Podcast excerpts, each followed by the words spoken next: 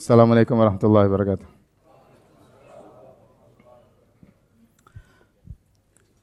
Alhamdulillahi ala ihsanih wa syukru lahu ala taufiqihi wa amtinanih wa asyhadu an la ilaha illallah wahdahu la syarika lahu ta'ziman li sya'nih wa asyhadu anna Muhammadan abduhu wa rasuluhu da'ila ridwanih. Allahumma salli alaihi wa ala alihi wa ashabi wa ikhwanih. Hadirin dan hadirat yang rahmatillah subhanahu wa ta'ala, kita lanjutkan bahasan kita dari syarah kitab Tauhid dan kita masuk pada bab berikutnya, bab maja'a fi. Bab tentang uh, salah satu dari bentuk kesyirikan yang sangat berbahaya yaitu sihir ya. Sihir merupakan kesyirikan yang membatalkan uh, akidah seseorang, tauhid seseorang. Sihir secara bahasa dan secara istilah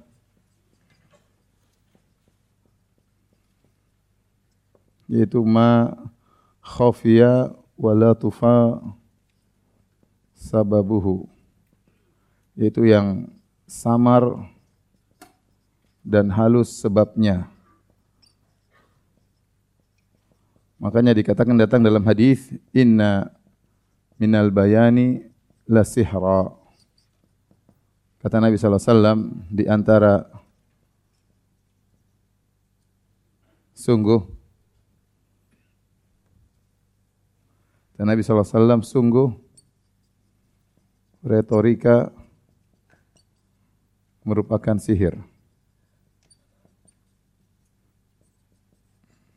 Tentunya seorang tatkala berceramah dengan orasi yang hebat, dengan retorika yang hebat, maka itu bukan sihir, tetapi dengan retorika yang hebat, dengan orasi yang hebat, menjadikan orang terbawa ya sesuai yang dia kehendaki. Dan mereka terbawa tanpa mereka sadari. Halus sebabnya, uh, samar sebabnya, makanya Nabi menamakan sihir secara bahasa, bukan sihir secara apa? Syar'i. Karena orasi bukan sihir tentunya ya. Dan ada orang-orang hebat, kalau mereka berorasi membuat orang ter, terpesona dan kemudian uh, terikut dengan penjelasannya.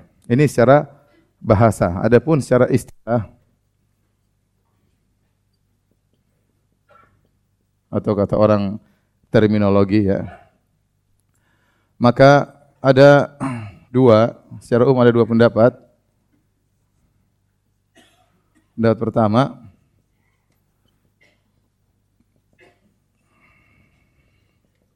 yaitu para ulama para ulama yang tidak tidak mau mendefinisi, mau mendefinisi Di antaranya pertama Imam Syafi'i. Dalam kitabnya Al-Um beliau berkata sihir as-sihru ismun jami'un lima'anin mukhtalifah.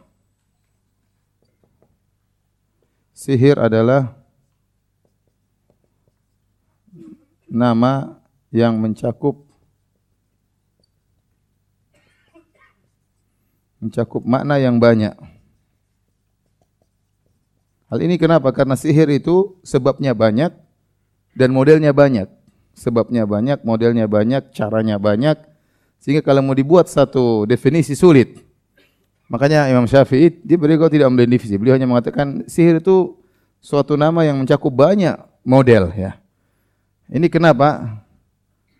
Uh, ini dalam kitab Al-Um ya. Kenapa? Karena sihir itu sebabnya banyak, caranya banyak, kemudian pengaruhnya juga berbagai macam model. Bermodel-model. Dan inilah yang ditempuh oleh Al-Imam Muhammad Amin Shinkiti juga Imam Muhammad Al-Amin Shinkiti Muhammad Al-Amin dalam kitabnya Adwa'ul Bayan ya Shinkiti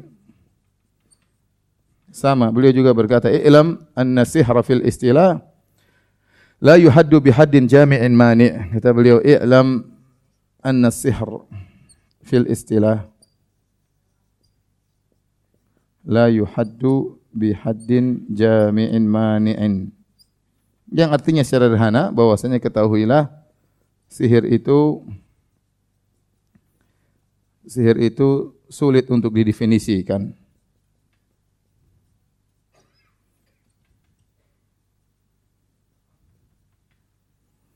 Ini metode pertama. Pendapat kedua, ya.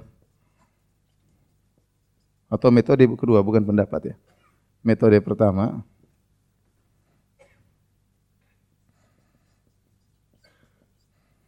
Metode kedua.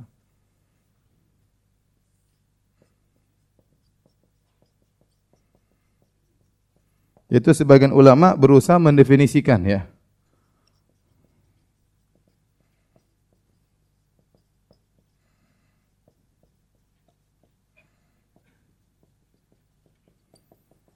Di antaranya Ibnu Qudamah. Contohnya Ibnu Qudamah Al-Maqdisi. Dari ulama Hambali dalam kitabnya Al-Kafi. Kitab fikih Hambali ya. Dia mengatakan asihir, azaim, waruqa. Azaim itu maksudnya jimat-jimat, ruqa mantra-mantra ya ya. Dia katakan sihir itu adalah azaim mantra-mantra ya yang dibaca dengan cara tertentu ya. Kemudian dia mengatakan uh, tu'athir fil qulub wal abdan. Kemudian fayumrad atau fayumrad wa yaqtul wa yufarriq bainal mar'i wa zawji. Kata dia sihir itu adalah jimat-jimat atau mantra-mantra yang berpengaruh terhadap ya, hati dan badan maka menimbulkan sakit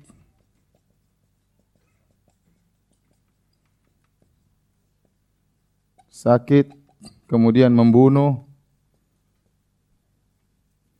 dan bisa memisahkan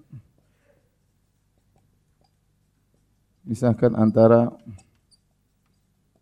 suami dan istrinya ya, bukan istri orang lain ya. Baik. Ini dua metode para ulama tatkala berbicara tentang sihir secara terminologi atau secara istilah ya. Meskipun definisi Ibnu Qudamah pun dikritiki oleh sebagian ulama karena dia tidak memasukkan sihir takhyil, sihir hayalan ya, sihir hayalan menghayal pada mata ya. Kemudian yang kedua dia tidak menyebutkan tentang ittisal bisyayatin. Namanya sihir itu harus ada hubungan dengan apa?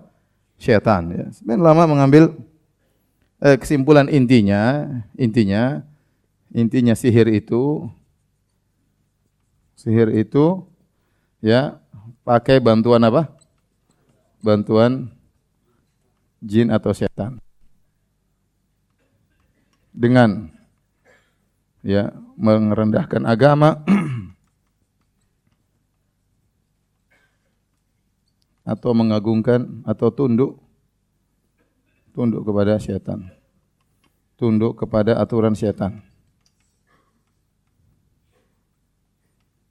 Ini kita bicara sihir tentang secara uh, bahasa dan secara istilah. Baik. Dan itu perkataan Al-Imam Al-Qurtubi rahimahullah bahwasanya sihir pasti ada hubungan dengan syaitan. Oleh karenanya ada definisi uh, Imam Syafi'i dalam kitabnya Al-Um dia mengatakan sihir ada dua ya. Sihir ya yang syirik sihir yang yang tidak syirik yaitu menggunakan makan obat-obatan kemudian asap dan sejenisnya untuk mempengaruhi, untuk menimbulkan, untuk membuat menimbulkan pengaruh. Oleh karenanya Imam Syafi'i beliau mengatakan tidak semua pelaku sihir itu musyrik atau kafir ya. Karena bisa jadi sihir menggunakan obat-obatan asap dan sejenisnya. Tapi sebenarnya kalau kita perhatikan yang disebut oleh Imam Syafi'i ini adalah sihir secara bahasa. Paham? Ini bukan sihir secara syar'i.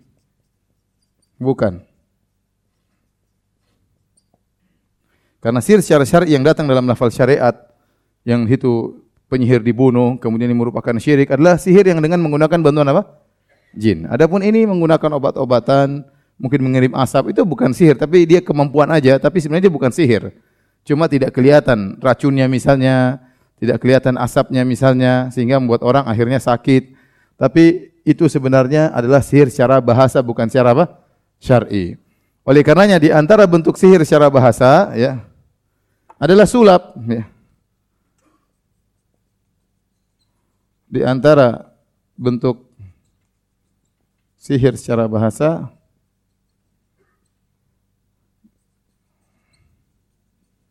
adalah apa? Sulap. Orang Arab mengatakan syakwadah ya. Ya musyawidh, tukang sulap ya. Misalnya dengan kepandaian tangan ya. Tahu-tahu begini keluar apa? Keluar keluar burung ya. Kemudian gini, solawat keluar duit, siapa namanya?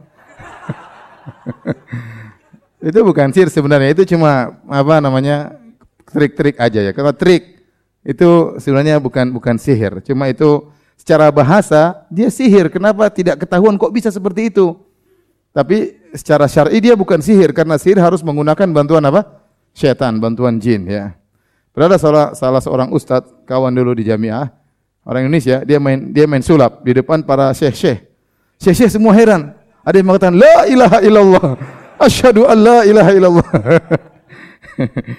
Karena mereka tidak biasa lihat apa?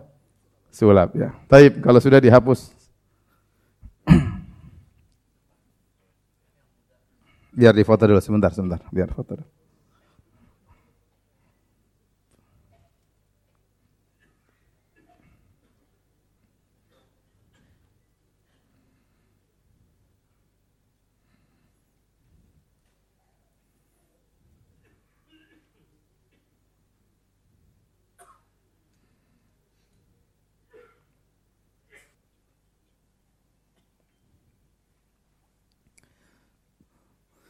Baik, pembahasan berikutnya ada adalah apakah sihir ada hakikatnya?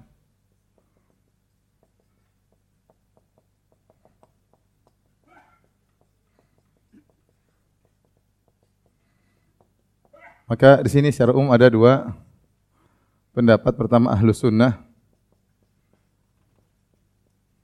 kemudian mu'tazilah, dan yang terpengaruh. Dengan mereka. Di antaranya Ibnu Hazm rahimahullahu taala. Di antaranya Abu Bakar Al-Jassas.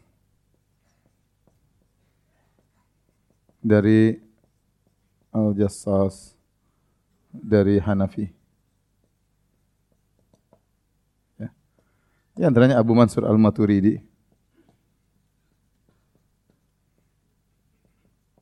imamnya Maturidiyah. Dia punya buku judulnya At-Tauhid. Dalam kitab Tauhid dia sebutkan juga masalah sihir. Adapun ahlu sunnah, maka pendapat mereka mengatakan bahwasanya sihir ada hakikatnya.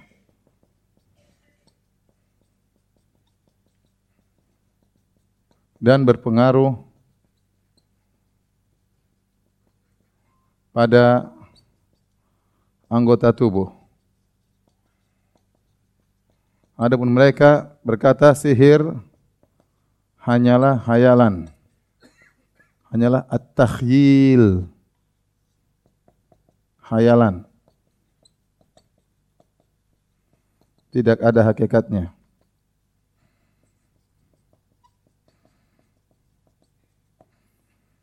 Baik, adapun dalil dari Ahlussunnah wal Jamaah, dalilnya banyak. Dalil ya. Dari Al-Qur'an, sunnah. Di antaranya firman Allah Subhanahu wa taala surat Al-Baqarah ayat 102.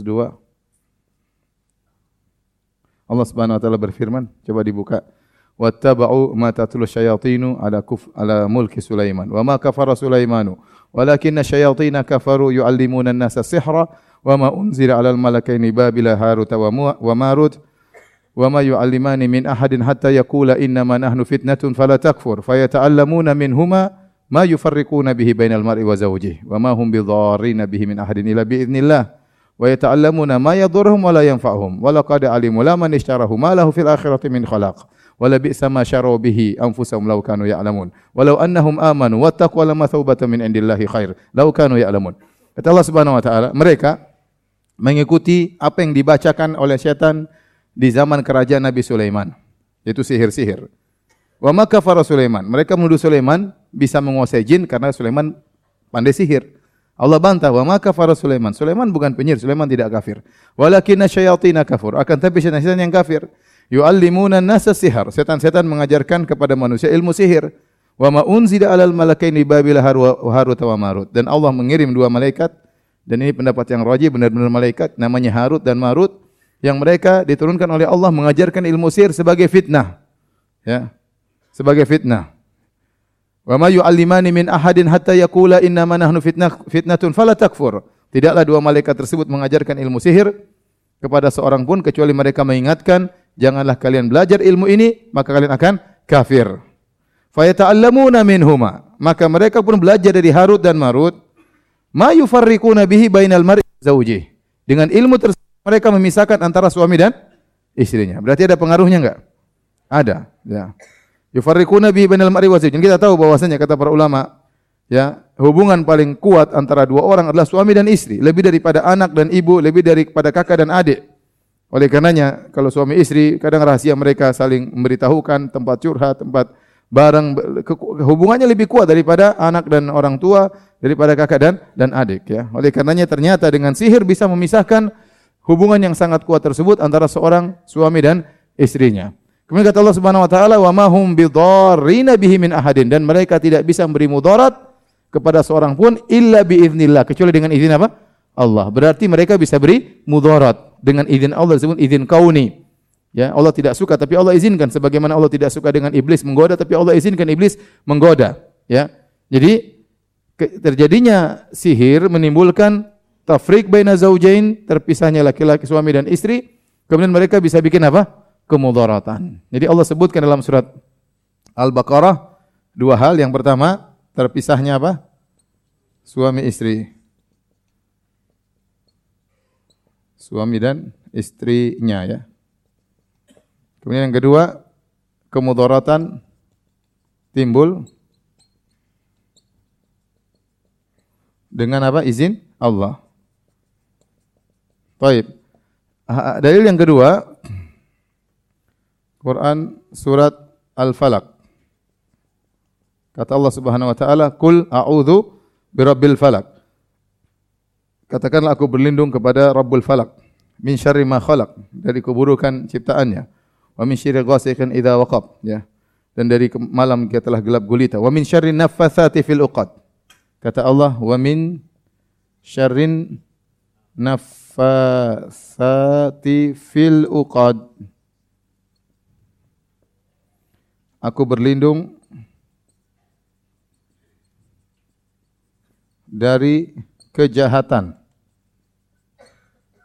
wanita-wanita yang meniup di buhul-buhul. Jadi aku berlindung dari kejahatan nenek-nenek sihir. Kenapa? Allah tidak sebutkan kakek-kakek sihir. Ini kan suratnya kan penyihir laki-laki itu bisa laki-laki bisa perempuan kan? Tapi kenapa Allah hanya sebutkan min syarri naffatsati fil uqad? Padahal yang meniup di buhul itu bisa laki-laki bisa perempuan. Bisa nenek sihir bisa kakek sihir ya. Ya. Kata para ulama karena pertama yang banyak jadi penyihir itu perempuan. Yang kedua, sihirnya perempuan lebih ganas daripada sihirnya laki-laki. Kenapa? Sihir itu butuh jiwa yang busuk, yang jelek, yang buruk. dan perempuan itu lebih buruk kalau sudah jengkel, dendam, parah. Benar atau tidak ibu-ibu? Benar? Masya Allah. iya, makanya sihir itu butuh jiwa yang jahat. Pokoknya perempuan susah kalau dendam sama orang dia susah apa? Susah apa namanya? Susah memaafkan. Saya sering ditanya di halo Ustadz, Ustadz saya sudah dendam gimana saya menghilangkan? Itu perempuan yang tanya. Laki-laki nggak pernah tanya begitu. Karena gitu perempuan susah dia. Makanya kalau dia sudah marah sama suami, susah untuk maafkan. Ya. Kalau laki-laki mudah maafkan apa? Istri. Apalagi istrinya dua dan tiga sangat mudah dia maafkan. Baik. Perhatikan di sini kata Allah Subhanahu wa taala min syarrin naffatsati fil uqad. Berlindung dari keburukan para wanita penyihir. Berarti mereka menimbulkan kemudaratan tidak? Kemudaratan berarti mereka punya pengaruh. Sihir ini ada pengaruhnya. Seandainya sihir ini tidak ada pengaruhnya, ngapain Allah suruh kita berlindung dari apa? Sihir. Faham? Baik. Kita lanjutkan dalil dari hadis. Yang pertama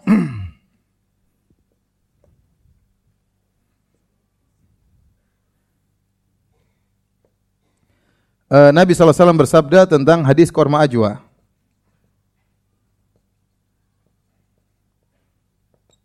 Kata Nabi SAW, Man tasabbaha bi sab'i tamaratin ajwa la yadurruhu al-yawma summun wala sihrun. Kata Nabi SAW, barang siapa yang di pagi hari, man tasabbaha, barang siapa di pagi hari, makan tujuh butir korma, ya, ajwa, ya. Korma ajwa khusus ya. Maka dia tidak akan terpengaruh pada hari tersebut, tidak memberi mudarat kepadanya. Sumun ini racun, sihrun dan sihir, racun dan apa? Sihir. Saya tanya sama antum, racun punya pengaruh enggak? Punya. Dan Nabi menggandingkan antara racun dengan apa? Sihir. Berarti sihir punya pengaruh. Sebagaimana racun punya pengaruh, sihir juga punya pengaruh. Ini dalil bahwasanya uh, sihir punya pengaruh. Kemudian yang kedua, hadis tentang Nabi sallallahu alaihi wasallam disihir. Sebelum ana menjelaskan hadis ini, ana perlu ingatkan, sebagian orang ya menolak hadis tentang Nabi disihir. Padahal dalam riwayat Bukhari dan Muslim dengan dalil akli bahwasanya kalau Nabi disihir enggak mungkin karena Nabi akan menyampaikan wahyu, wahyu akan terkontaminasi dengan kata-kata yang tidak benar. Jawabannya Nabi disihir bukan bukan berkaitan dengan wahyu, tapi Nabi dia semacam penyakit yang dia alami sehingga dia melihat seakan-akan dia sudah melakukan sesuatu padahal belum dia lakukan.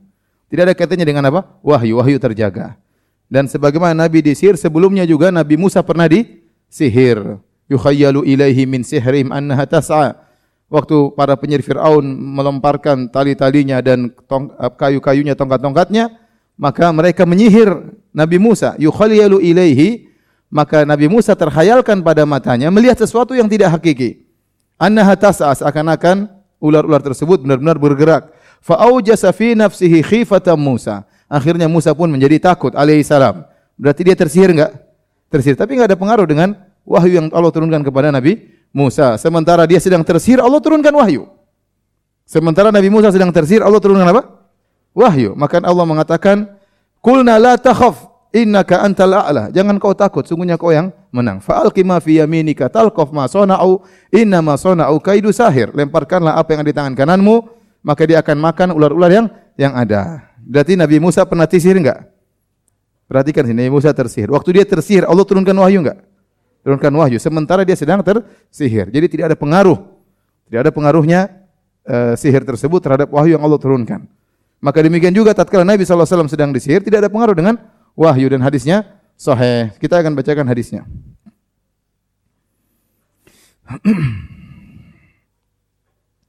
An Aisyah radhiyallahu taala anha qalat. Dari Aisyah radhiyallahu taala anha beliau berkata, Suhiran Nabi sallallahu alaihi wasallam hatta annahu la yukhayyalu ilaihi annahu yaf'alu syai'a wa ma fa'alahu. Tolong matikan itu HP. Nabi SAW disihir sampai sungguh dia dihayalkan bahwasanya beliau melakukan sesuatu padahal beliau tidak melakukannya. Sebenarnya riwayat seakan-akan dia telah mendatangi istrinya, menggauli istrinya padahal beliau belum menggauli istrinya. Dibuat terhayalkan. Hatta idza kana dzata yaumin wa huwa indi. Sampai suatu hari Nabi SAW sedang berada di rumahku kata Aisyah, da Allah wa da'ahu. Maka Nabi berdoa kepada Allah lalu Allah juga memanggil Nabi sallallahu alaihi wasallam. Setelah itu Nabi berkata kepada Aisyah, "Asy'arti ya Aisyatu anna Allah qad aftani fi mastaftaituhu fihi." Wahai Aisyah, apakah kau rasa kau tahu bahwasanya Allah Subhanahu wa taala telah memberikan kepadaku jawaban, telah berfatwa kepadaku tentang perkara yang aku minta jawaban kepada Allah Subhanahu wa taala. Qultu wa madzaka ya Rasulullah? Apa yang Allah beritahukan kepada engkau wahai Rasulullah? Maka Nabi cerita, "Ja'ani rajulani, datang kepadaku dua orang lelaki."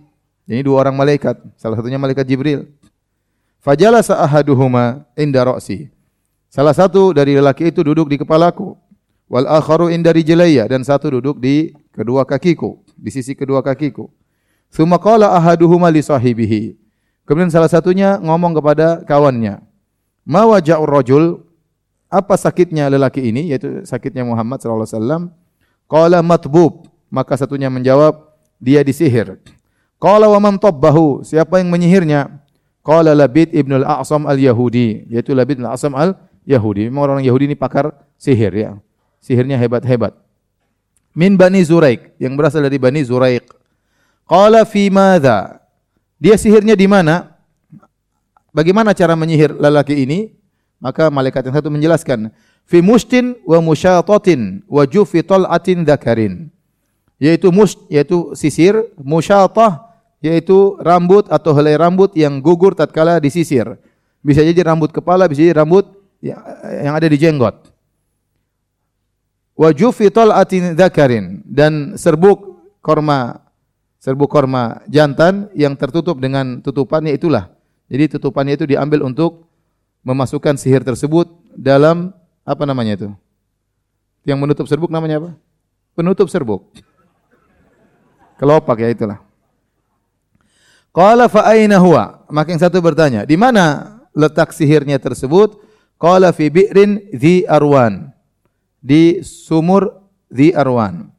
Qala fadhahaba an-nabiy sallallahu alaihi wasallam fi unasin min ashabi ila al-bi'r. Maka Nabi berangkat bersama sebagian sahabat menuju ke sumur Zi Arwan. Fanadhara ilaiha wa 'alaiha nakhlun. Nabi melihat kepada sumur tersebut, ternyata di sumur tersebut ada pohon korma. Thumma raja ila Aisyah, kemudian Nabi pulang kepada Aisyah. Faqala, "Wallahi laka anna ma'aha nuka'atun hinna." Ya seakan-akan air sumur tersebut berwarna merah seperti ada tumpahan hinna di situ. Hinna ya tahu tak? Orang-orang hinna. Apa bahasa Indonesia? Pacar. Pacar ya, pacar.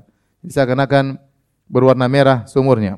Wala ka'anna nakhlaha ru'usus syayatin. Seakan-akan kormanya seperti kepala-kepala syaitan. Qultu ya Rasulullah, afa akhrajtahu? Aku berkata ya Rasulullah, apa kau keluarkan sihirnya? Qala la, kata Nabi tidak. Amma ana faqad afani Allah wa syafani. Adapun aku maka sungguh aku telah diselamatkan Allah dan disembuhkan oleh Allah Subhanahu wa taala. Wa khasyitu an uthawwira 'ala nasi minhu syarran. Dan aku khawatir aku akan menimbulkan keburukan kalau aku sampai menghebohkan permasalahan ini.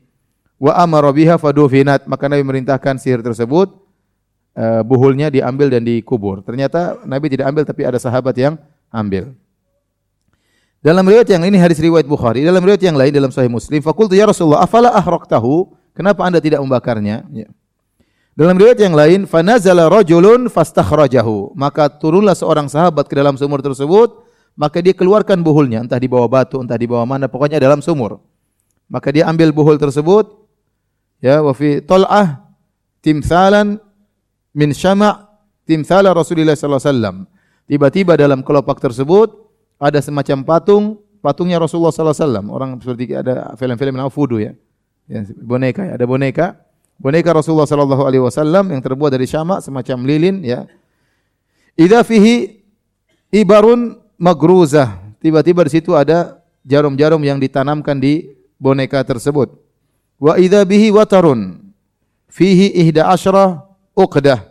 Ternyata di situ ada tali dari watar diikat mengikat uh, buhul tersebut ada 11 buhul. Ada 11 buhul, bukan satu tapi ada berapa? 11. Fanazala Jibril bil muawwidzatain, maka Jibril pun turun dengan bawa dua surat, Qul a'udzu birabbil falaq dan Qul a'udzu birabbin nas. Fakullama qara'a ayatan in halat uqdatan. Setiap Jibril baca satu ayat, maka terlepaslah satu buhul tersebut. Wa kullama naza ibratan wajada laha alaman thumma yajidu ba'daha rahah. Setiap Jibril mencabut uh, jarum, maka Nabi merasakan rasa sakit tapi kemudian lega. Setelah itu apa? Lega. Jadi ternyata ada 11 buhul. Dan Jibril membawa surat Qul a'udzu birabbil falaq, birabbin nas yang jumlahnya 11 ayat. Qul a'udzu birabbil falaq min syarri ma khalaq wa min syarri ghasiqin idza waqab wa min syarri naffatsati fil uqad wa min syarri hasidin idza hasad. Qul a'udzu birabbin nas, malikin nas, ilahin nas, min syarril waswasil khannas alladzi yuwaswisu fi sudurin nas minal jinnati wan nas. Berapa ayat? 11 ayat. 11 ayat maka kemudian Nabi pun uh, sembuh. Ini dalil bahwasanya sihir itu punya pengaruh sampai Nabi Shallallahu alaihi wasallam pun terpengaruh seakan-akan dia melihat sesuatu padahal tidak terjadi seakan-akan dia menggauli istrinya padahal beliau tidak menggauli istrinya ya.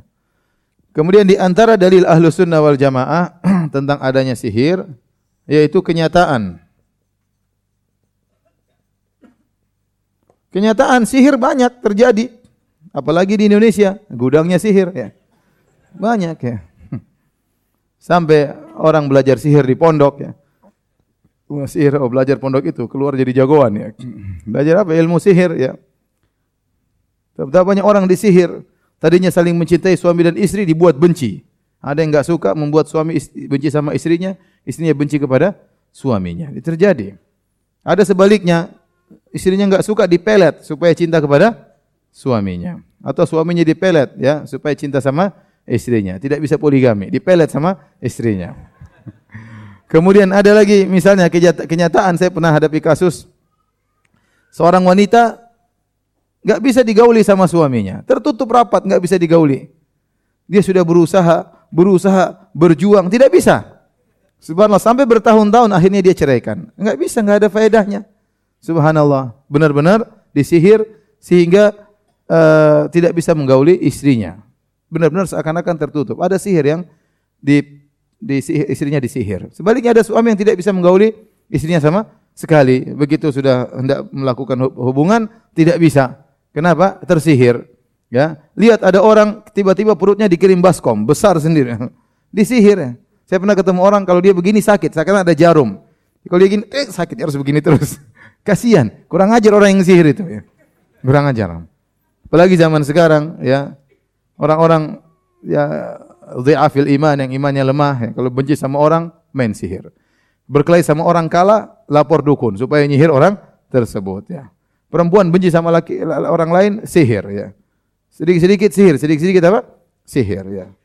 Kadang-kadang anaknya dipasang sihir supaya dijaga ya dan macam-macam.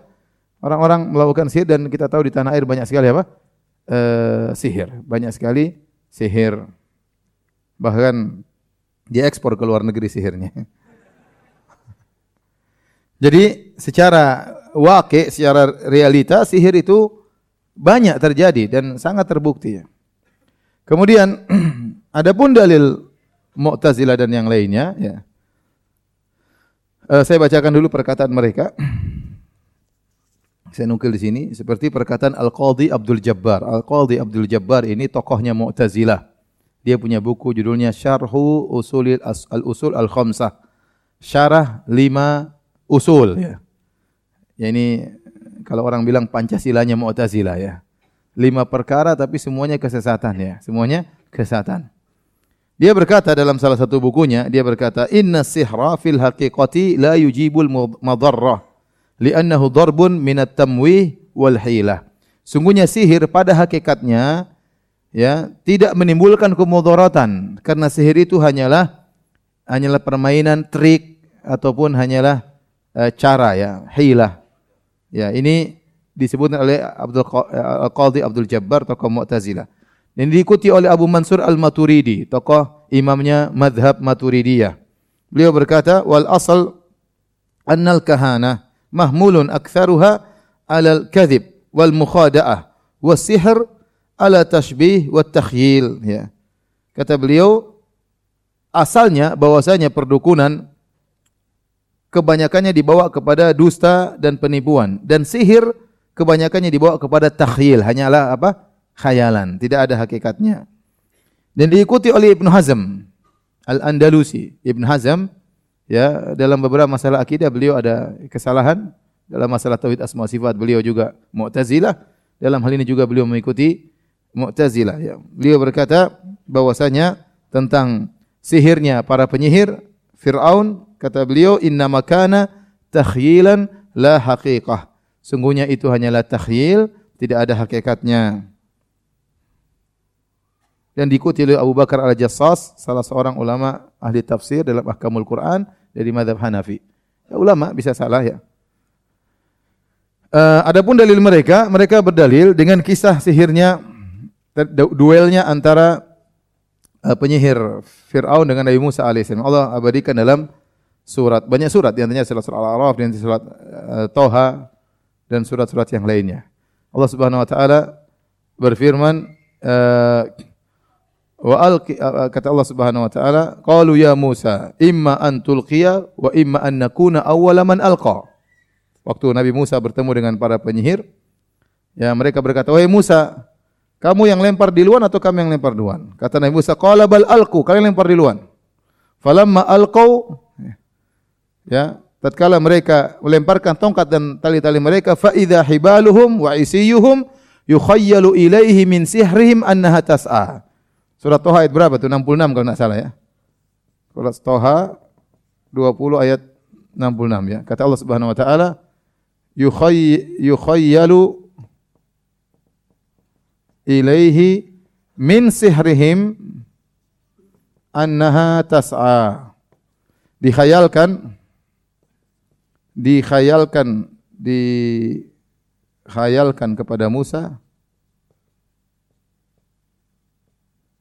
seakan-akan dikhayal annaha bahwasanya bahwasanya ular-ular itu bergerak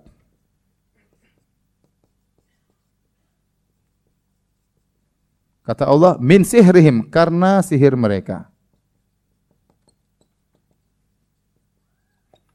Dan juga dalam surat Al-A'raf entah ayat berapa kata Allah Subhanahu wa taala Saharu a'yunan nas wastarhabuhum. Kata Allah saharu a'yunan nas. Saharu a'yunan nas. Wastarhabuhum waja'u bisihrin azim. Surat mereka pun menyihir mata-mata manusia dan mereka membuat takut orang-orang yang hadir. Mereka menyihir mata-mata manusia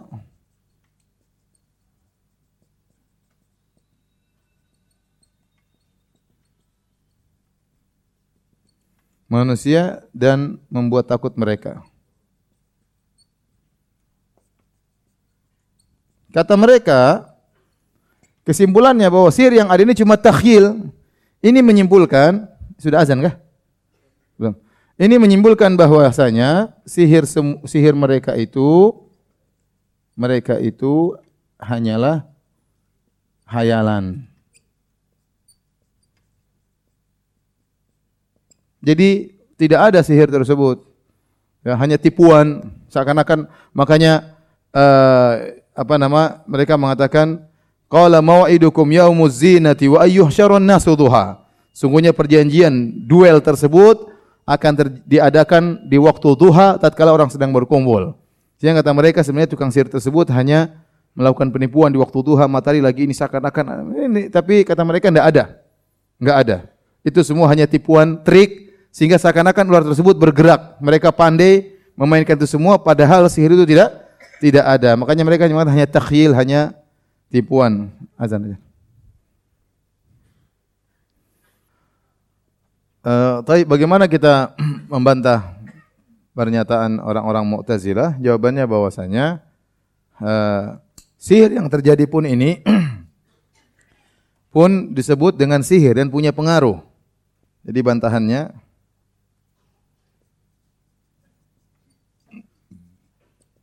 Pertama, sihir tersebut mempengaruhi mata.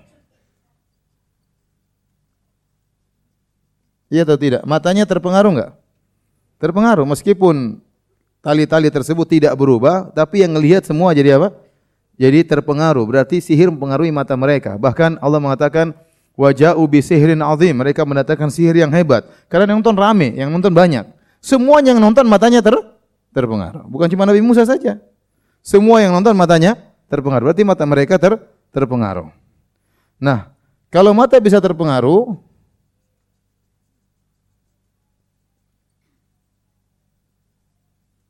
maka bisa juga bisa juga mempengaruhi anggota tubuh yang lain.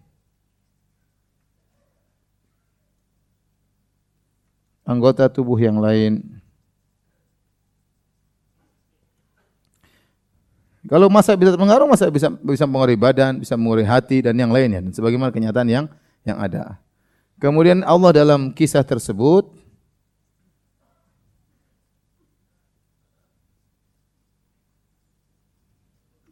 tidak membatasi sihir hanya pada mata. Hanya pada mata.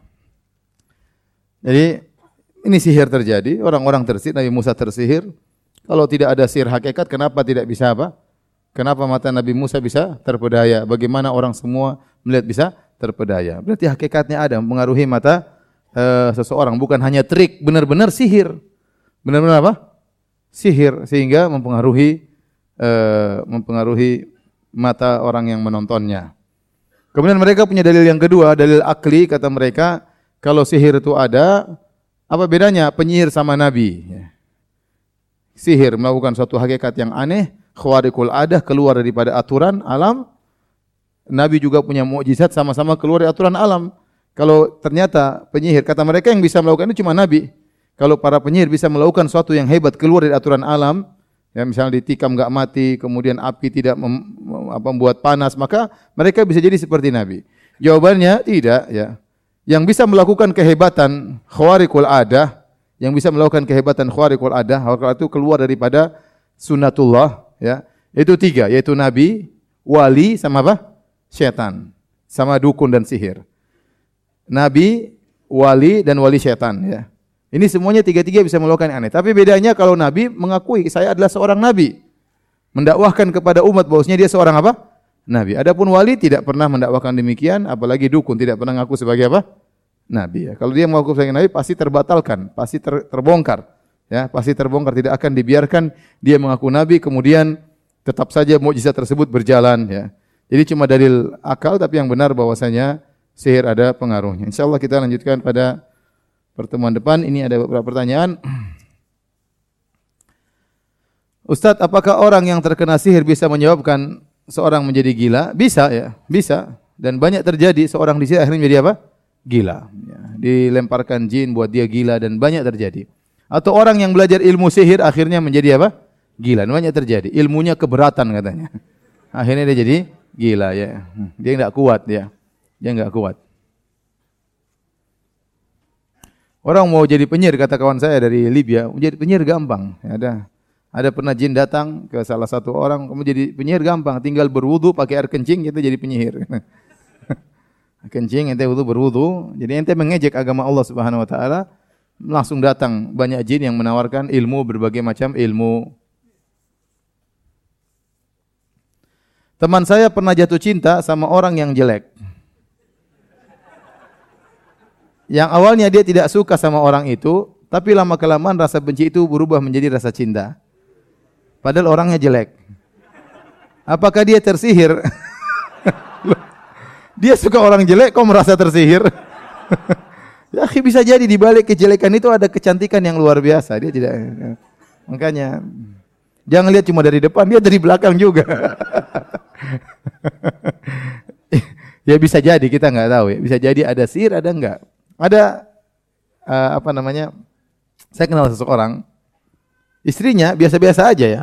Biasa, ya tidak dikatakan cantik jelita, tidak dikatakan cantik. Tapi kawan itu kalau misalnya dia nonton artis-artis, oh istri saya cantik seperti ini, istrinya seperti ini. Ini saya pikir ini kesihir ini.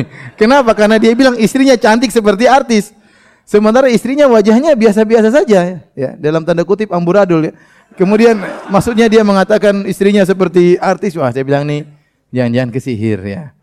Kemudian ada yang cerita benar istrinya kalau ke rumah seorang dia pasti ngambilin beras, kemudian dia makan. Pasti ngambil beras di rumah tersebut kemudian apa? Makan. Seakan-akan syarat supaya sihirnya berlanjut terus harus makan beberapa butir beras curian ya. Allah alam bisawab, tapi itu ciri-ciri contohnya kesihir. Kalau dia suka perempuan jelek, terus dia bilang ini cewek seperti artis, seperti cewek cantik ya ini ini berarti dia ter, terhayalkan matanya ya.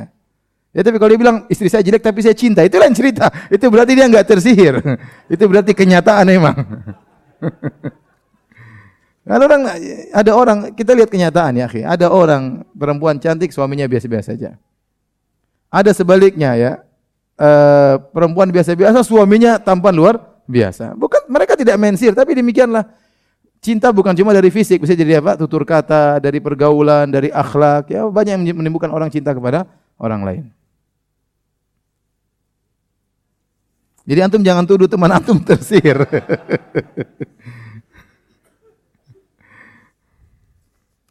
Tapi demikian saja kajian kita. Subhanakallah bihamdik asyhadu alla ilaha anta Assalamualaikum warahmatullahi wabarakatuh.